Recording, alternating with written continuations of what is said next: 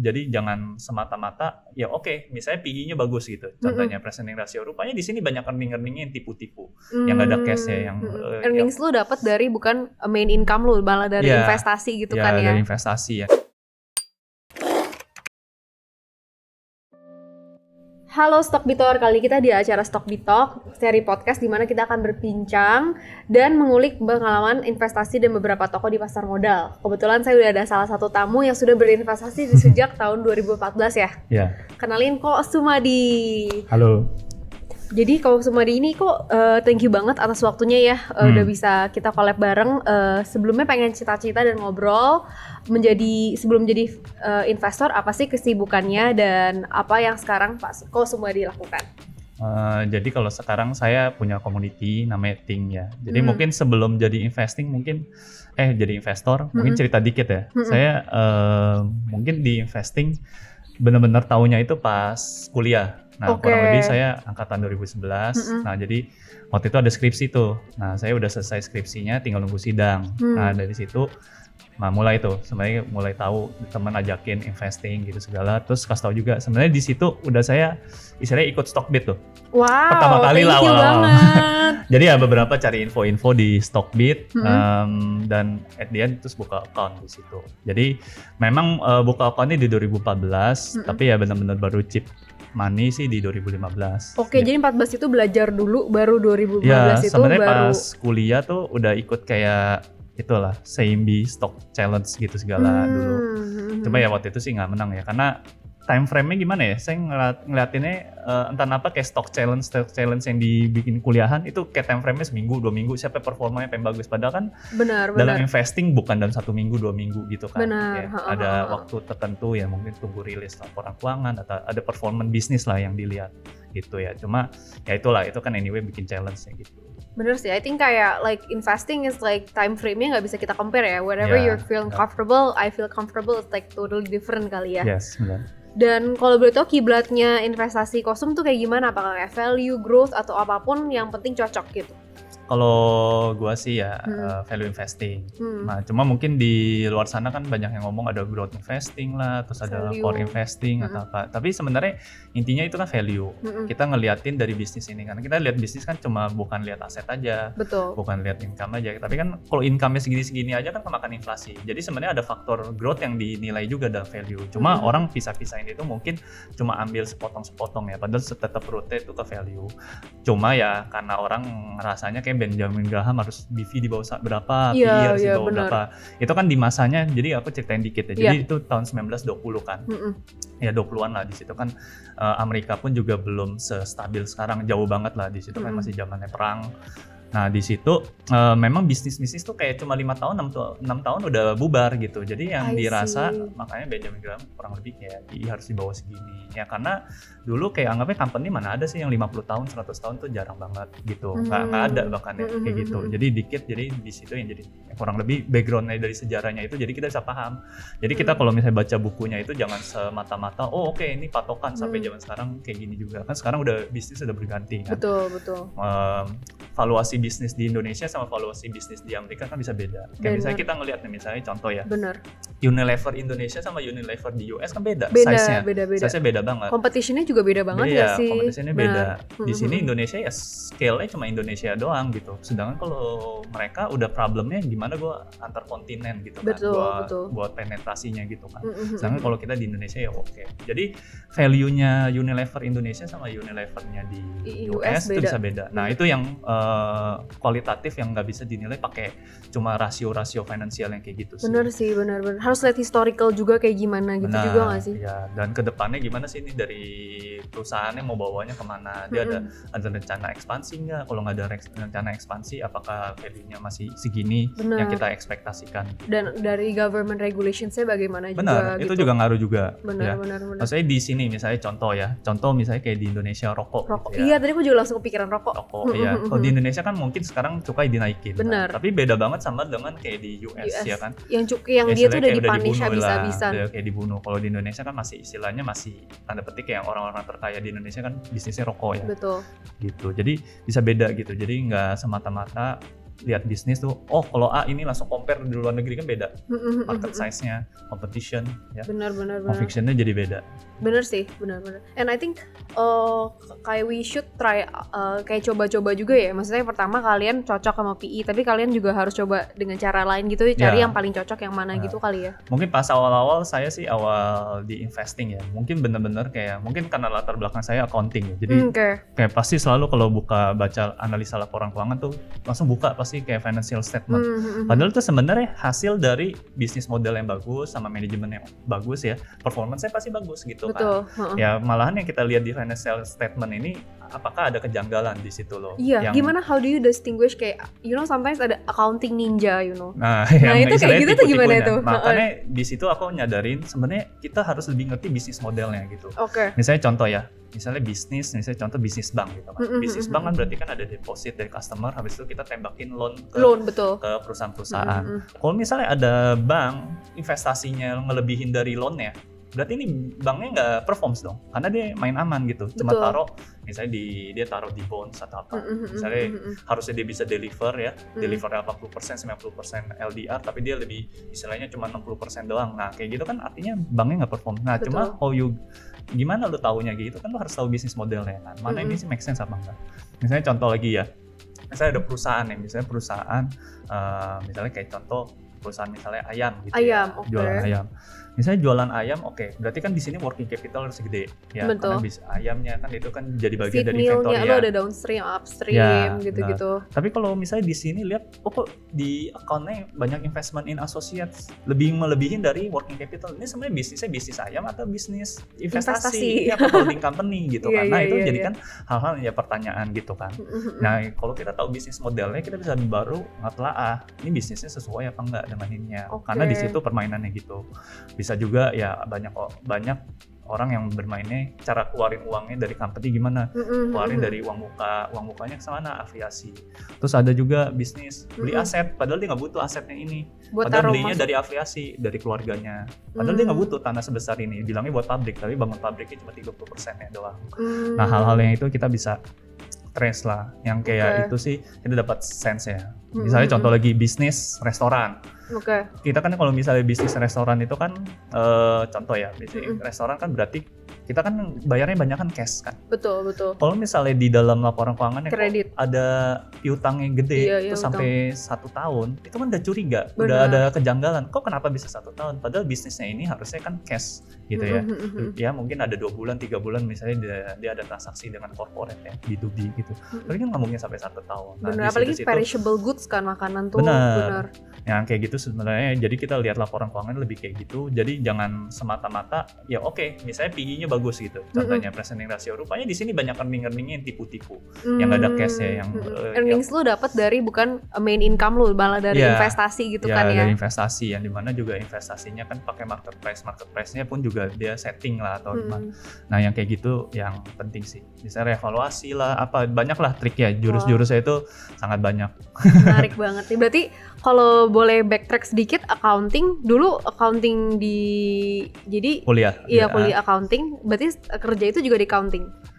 Du- mas pas masuk kuliah lebih jadi kayak business operation analyst ya. Jadi Oke. eh, gimana ya? Kan saya masuk ke Astra ya. Oke, nah sebenarnya oke. dalam perjalanan investasi saya juga saya saya thank you lah buat Mm, mm, mm. Astra karena ini cukup membuka mata saya. Bener, apalagi ya. it's a big company right? Ya. Iya iya. Jadi pas saya masuk kerja itu kan 2015. 2015 yang di mana kan China slowdown itu hancur semuanya. Padahal Mm-mm. sebenarnya nyatanya pas saya di Astra harga saham itu jeblok, jebret.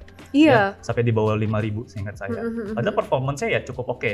Terganggu sih terganggu. Yang paling terganggu di bank permatanya. Oke oke oke. Tapi eh, bisnis yang lain oke kok masih oke. Bonus kita ini. Nah dari situ saya eh, ngobrol lah sama senior juga. Iya. 2008 pun kejadian juga sama. Sampai senior senior kayak tahun 2008 ya. Mm, mm.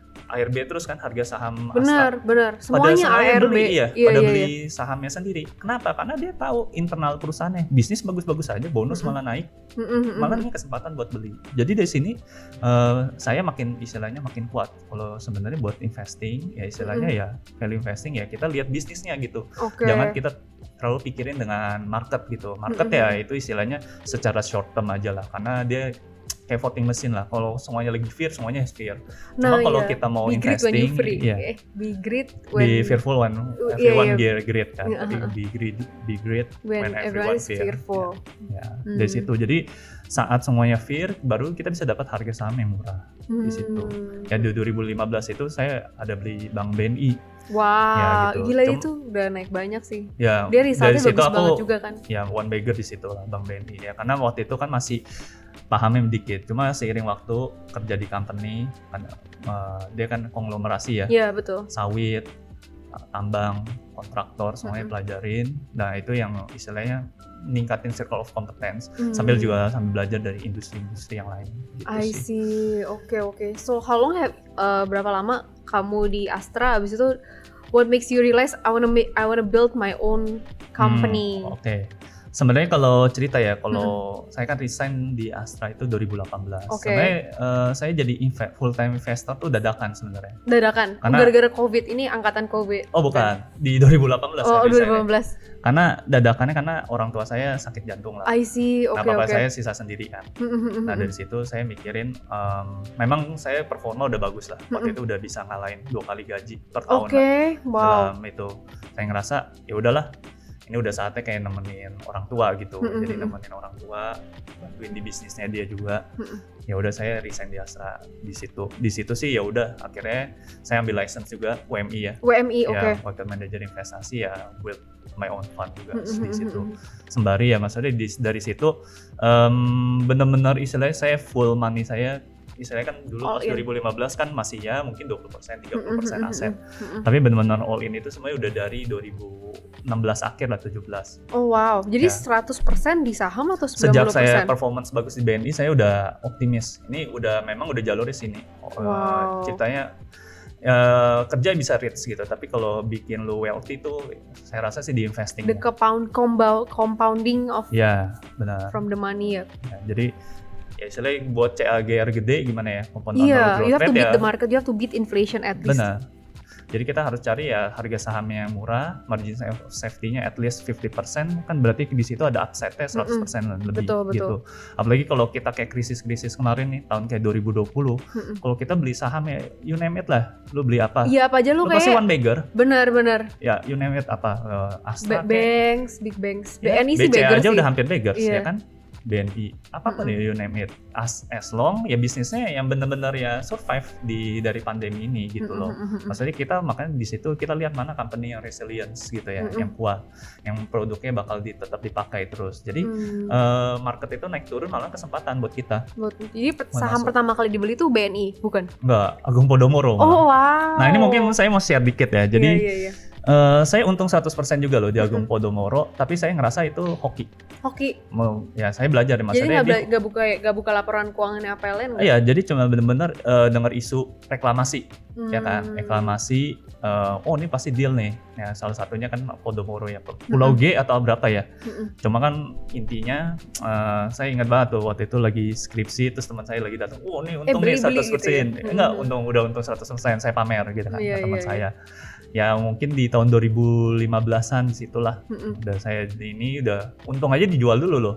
Saya udah mikir ah, jual dulu lah. Mm-mm. Tapi saya ngerasa oke nih untung tapi hoki-hokian gitu. Saya Oke. ngerasa untung aja dijual. Kalau nggak dijual ya pasti habis. bener bener Pas itu. unrealized it's still unrealized until Ya, you sell it benar. gitu kan Terus pas udah masuk kayak di Astra yang tadi saya cerita, ya Mm-mm. maksudnya ah ini mas semuanya uh, tanda petik ya kalau kita dengar news atau apa itu sebenarnya bukan fundamental gitu. betul betul Itu semuanya cuma ya tanda petik pemeriah lah, pemeriahnya doang. Padahal sebenarnya di balik saham itu ada bisnis yang run di situ, ada Hmm. manajemennya, ada yang uh, ada operationnya yang ngerjain Mm-mm. itu, Mm-mm. ada investor relationnya, ada semuanya yang gerakin gearnya itu gitu loh. Soal dia dijudge jelek atau bagus itu kan soal market. Yang betul penting kita tahu nih ini orangnya bagus apa enggak, Mm-mm. terus bisa jalanin bisnisnya bagus apa enggak itu yang kita beli. Jadi kalau track back adalah baca laporan keuangannya, abis itu understanding the Bisnisnya, company, heeh. Sama ownernya juga harus diperhatiin. Oh iya, sama owner harus diperhatiin juga, Ya, karena owner itu malah paling penting juga ya. Karena oke oke. karakter owner itu eh, sangat terlihat ya kayak Mm-mm. grupnya misalnya grupnya Triputra itu Mm-mm. sangat suka pakai leverage Hmm. ya jadi itu emang em, karena gini ya, mungkin Astra itu influence juga dari kan Pak Teddy Ramat kan dulu juga 20 tahun Benar. jadi presiden di Uh-huh. Astra. Jadi beberapa waktu itu Pak Pak Teddy Ramat ada datang juga sebagai founding Mm-mm. father United Tractor. Hmm. Ya berarti dari situ-situ kita bisa baca. Dari kita ikut kayak nonton di YouTube aja kita misalnya lihat nih Mm-mm. ada yang isi seminar apa dari owner-ownernya kita bisa ngerti oh karakternya dia tuh gimana. Mm-mm. Misalnya Pak Arman Hartono dia kan ya Benar, owner-owner yang sering inilah. Makanya sering kita lihat ini oh, oke ini ownernya bisa di istilahnya kita percaya, percaya apa atau enggak. enggak gitu. Karena kita saat invest ya eh, mau kan kita uang pasti hitungannya retail ya. Betul. Kecuali kalau nanti kita udah 10%. Udah baik. Ya, ya mau 10% pun 20% pun hitungannya kita masih minority. Artinya kita uh, masih bergantung sama manajemennya. Jadi kita harus ngerti banget istilahnya kita harus kayak anggap dia sebagai partner bisnis. Hmm. Dia bisa dipercaya nggak sama kita? Jangan sampai uang yang kita taruh diinvestkan, uangnya itu bukan di istilahnya nggak dikasih lagi ke shareholder. Ya, misalnya nggak bagi dividen nggak apa-apa, tapi at least uh, dari uangnya itu diputerin lagi. Oke, ada expansionnya apa aja? Jangan sampai uangnya cuma ditaruh di bantal Oke. apa enggak gaji manajemen digede-gedein Hmm, gitu iya iya. apa enggak ha. duitnya dilariin beli tanah yang punya saudaranya dia Wah. nah yang kayak gitu-gitu harus kita hindarin karena kan kita taruh uang di sana Benar. coba kita bayangin kita jadi posisi manajemen di situ kan Mm-mm. ya kalau uangnya emang nggak dipakai balikin aja Kasih as Ya, dividen bagi gitu dividen. kan. Betul. kalau misalnya eh sorry nggak bisa bagi dividen mau buat ekspansi ya udah nggak apa-apa tapi beneran dipakai buat ini betul. For mana ya mana buktinya misalnya return on equity-nya naik apa enggak gitu Mm-mm, kan mm-mm, at least misalnya belum bisa bukuin profitnya kenceng ya minimal return on assetnya mm-mm, at least kita trace di situ kita bisa ikutan jaga gitu loh mm-mm. jangan sampai oke dividennya ditahan-tahan tapi duitnya cuma ditaruh-taruh doang rupanya di kickback lewat yang lain I see. Oke, wah kayaknya udah tahu asam garam hidup deh. kayak udah tahu kayak ada example of management that's doing well and not doing well gitu Yes, sih. itu heeh. nanti kamu sering di ya lihat di market bakal tahu lah kurang lebih siapa yang bisa tanda petik bisa dipercaya ada yang nggak kurang bisa dipercaya cuma ya Hmm. at the end kita ya fokus di bisnisnya itu Mm-mm, siapa yang mm-mm. jalanin dan performance kalau dua-duanya udah bagus bisnis model bagus owner bagus pasti performance-nya bagus Bagus ya. pasti Oh. doing well lah Jadi harus praktis juga ya. Hmm? Harus praktis juga kan maksudnya dengan kita ini kita ya harus sering-sering laporan. baca ya sering-sering baca keuangan. bahkan jangan laporan keuangan aja sih misalnya contoh ya misalnya mau Mm-mm. pelajarin bisnis tambang ya kalau Iya. bisa masuk forum gitu Oh, masuk forum tambang untuk Yes, melihat. ya misalnya kayak sekarang nih kayak Mm-mm. sekarang kan orang lihat Newcastle di mana nih bar chart gitu Iya, ya iya, iya. kalau Atau mau lebih akurat langsung buka Facebook yang aku kasih bocoran dikit itu Boleh. update every weeks Facebooknya apa? Forumnya call forum ada deh. ya ketika ya call mining apa gitu Oh, oke. Kan aku harus sampai ke mining di call-nya enggak? ya enggak Kalau Nah di situ orang pra yang makanya kita kan beli bisnis. Berarti kalau bisa kita dapat informasi dari orang yang operation, Benar, yang jalanin benar. the business gitu Mm, kan. Kalau misalnya kita mau tahu nih harga kaca naik, ya kita nanya teman-teman kalau bisa ada yang distributor. Apa nggak mau nanya harga rokok udah naik belum sih? Benar, atau kita bener-bener kayak ke warung-warung aja benar. kan, benar. Yes. Atau ke supermarket lihat nggak sih kayak per bulannya naik nggak sih? Ya, Gitu.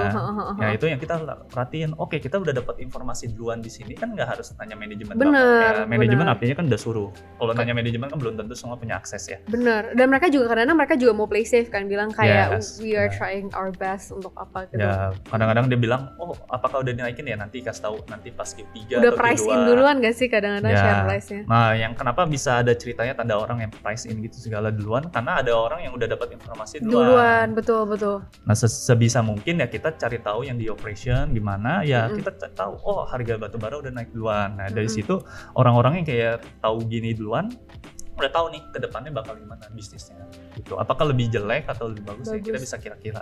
Sih. Menarik, menarik Ya, banget. Oke, jadi ntar jangan ter apa ya? Eh, jangan tergampang inilah istilahnya kepom-pom Ke- orang-orang bener atau gitu ya. kayak ba- baca sekali baca, Yes. baca sekali dan kayak oke already get the news enggak lah always Yeah. finding the Benar. news in other platform berarti kan Iya. ya So- pastiin sampai ke lapangan gitu. Benar, benar, Faktanya benar nggak sih di lapangan jangan sampai bilang oh ini pasti untung gitu. Padahal kalau nanya orang yang kerja di sana oh enggak lu saya aja mau resign cari kerja Iya. lah Ah, itu udah bahaya kan. Nah mm, makanya itu penting sih buat pastiin. dulu tuh aku nyari conviction buat eh, yang retail aku Hmm. juga benar-benar tiap minggu aku eh, ke shopping mall dan aku foto-foto untuk ngeliat crowdnya tuh getting better atau enggak oh gitu kan nice itu Heeh, kan. heeh, Ya. heeh. Jadi Benar. I think we can do our uh, own channel checking by ourselves sih. Iya, And teman kita kan banyak banget kan. We also can ask our friends sih. Iya. Heeh, ya heeh. makanya itu praktek yang istilahnya langsung kita lihat ke misalnya contoh ya misalnya kayak harga Indomie naik gitu karena inflasi ya kan kita cross check dulu. Oh ya oke benar naik. Naiknya berapa persen gitu kan. apakah sesuai dengan di berita? Kadang-kadang berita suka emphasize gitu kan. Mm-mm. suka dilebih-lebihkan. Berita iya kadang-kadang kayak mereka kan beri title-nya biar kita ngebaca newsnya Ya. kan, cuman nggak kayak begitu juga kadang. Benar. Kita ya sebagai as investor kita harus cross check lagi. Bener situ. sih, setuju banget. Nah,